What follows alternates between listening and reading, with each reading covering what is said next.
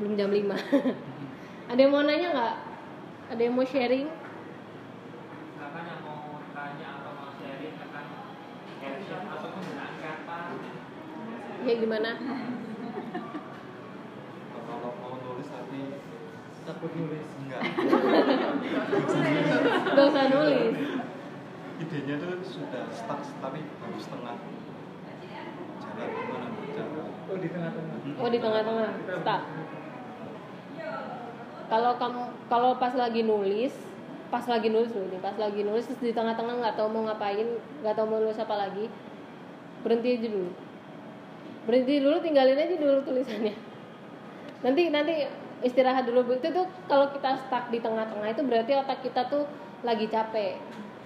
Jadi kita nggak bisa berpikir walaupun kita udah bikin outline misalnya terus kita bingung mengembangkannya itu itu aku sendiri juga sering mengalami gitu kalau mengalami hal kayak gitu biasanya ya udah tak diamin dulu tak tinggal. Kalau nggak ada deadline itu lebih enak karena kamu bisa berhari-hari ninggalnya. Sampai baru ingat lagi baru ditulis lagi gitu. Tapi, tapi kalau ada deadline ya sebentar aja. Intinya intinya harus istirahat dulu.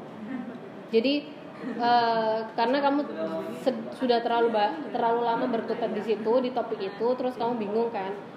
Jadi kamu harus merefresh otak lagi merefresh diri lagi biar akhirnya jalannya ke arah yang benar lagi gitu. Kalau masih nggak nemu ganti topik aja. Ganti judul. ganti judul. Sudah setengah jalan. Oh oh mau surat skripsi. surat skripsi.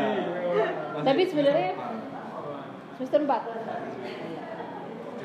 jangan kira sebentar lagi tuh Oh, masih semester empat. Kira punya anak satu.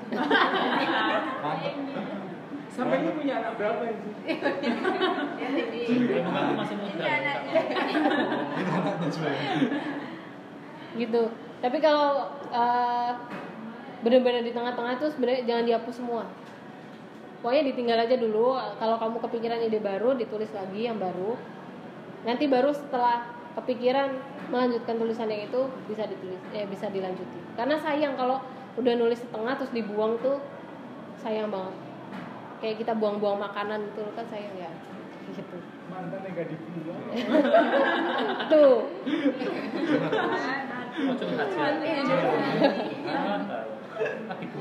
Wah bucin. Gitu. Ada lagi Terus kalau ini, kalau menulis apa? Kalau menulis kejadian peristiwa kan otomatis beda sama kita menulis eh, satu hal yang entertain. Biasanya kan kalau yang entertain kan emang diharuskan menggunakan bahasa yang sedikit banyak mendayu-dayu. Dayu-dayu. Mendayu. oh Nah, itu caranya gimana?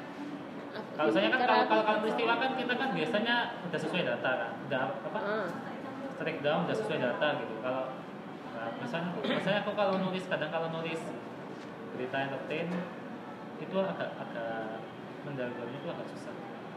Mendramatisir. Mendramatisirnya agak susah. Mendayu-dayu kan. dayu-dayu. Terus terus Nah itu cara eh, Biar bisa mendramatisir. Dramanya dapet tuh gimana? cara mendapatkan ide yang pas yang pas kalau untuk tulisan apa ya intinya kayak hmm, contohnya kayak ini deh kayak kita bikin cerita fiksi Mm,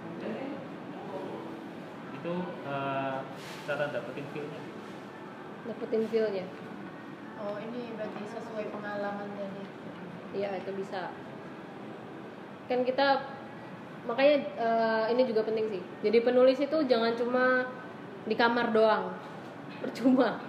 Walaupun kita sekarang udah bisa browsing di banyak di Google ya itu udah banyak banget. Tapi kalau kita nggak lihat eh, nyatanya hal yang nyata, kita nggak berinteraksi sama orang, kita juga nggak akan idenya juga nggak akan berkembang gitu. Jadi eh, makanya itu tadi pengalaman tuh penting pengalaman langsung maksudnya bukan pengalaman browsingnya pengalaman langsung dengan berinteraksi sama orang terus eh, apa melihat suasana sekitar gitu itu dan kalau tadi Mas Husni nanyanya gimana?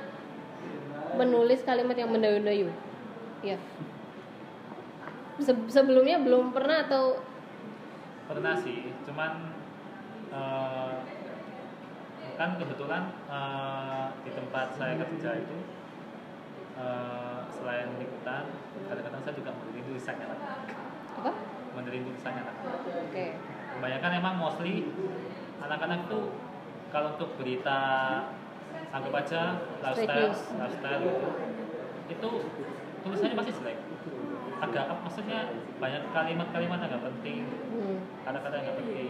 Beda kalau mereka liputan uh, peristiwa ekonomi itu kan emang datanya udah udah detail ya udah udah, udah ada gitu. Ya sedangkan kan kalau untuk entertainment untuk yang lifestyle kan emang agak sus agak susah sih bikin bahasanya. Mungkin karena mungkin kan otomatis kan kita harus buat judul yang menarik gitu. ah, kalau fashion show fashion show kan udah biasa gitu. hmm.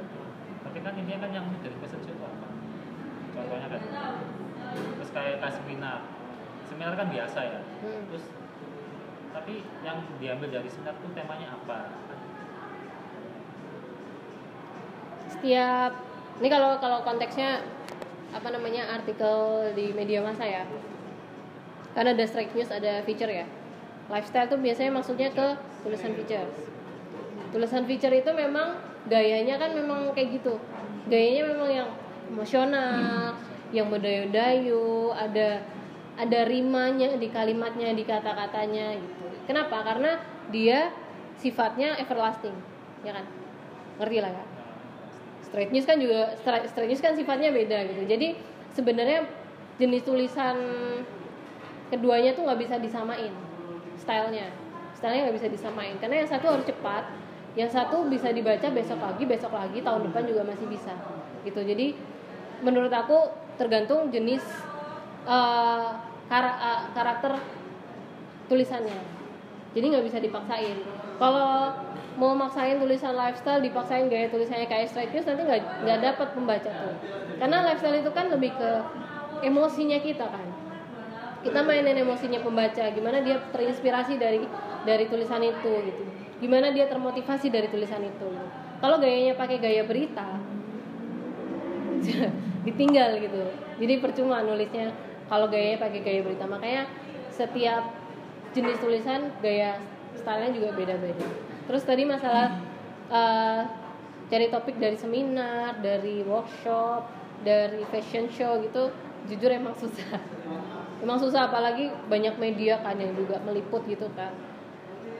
Jadi eh, pertama si penulisnya ini jurnalisnya ini harus paham dengan event yang dihadiri.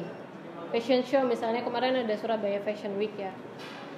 Dia harus paham fashion paling enggak yang kedua dia harus paham desainernya. Yang ketiga dia harus paham sejarah S SF W Surabaya Fashion Week itu. Dari situ dia bisa merangkai cerita yang lebih menarik.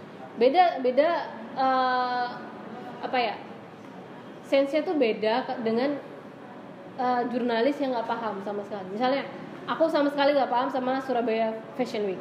Aku sama sekali nggak paham sama fashion terus dikirim ke sana.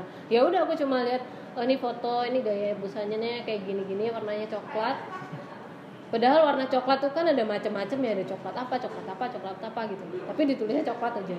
Jadinya jadi artikel yang tidak menarik gitu. Makanya pastikan si jurnalisnya ini juga paham.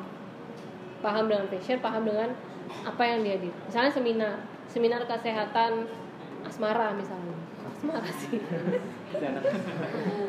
dia dia artinya dari situ kan bisa ditarik dari eh, apa namanya misalnya nikah muda fenomena nikah muda gitu kan.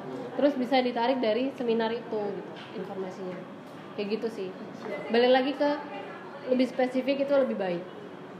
Dan harus paham dengan topiknya gitu. Seperti itu. Sudah Pak Rezi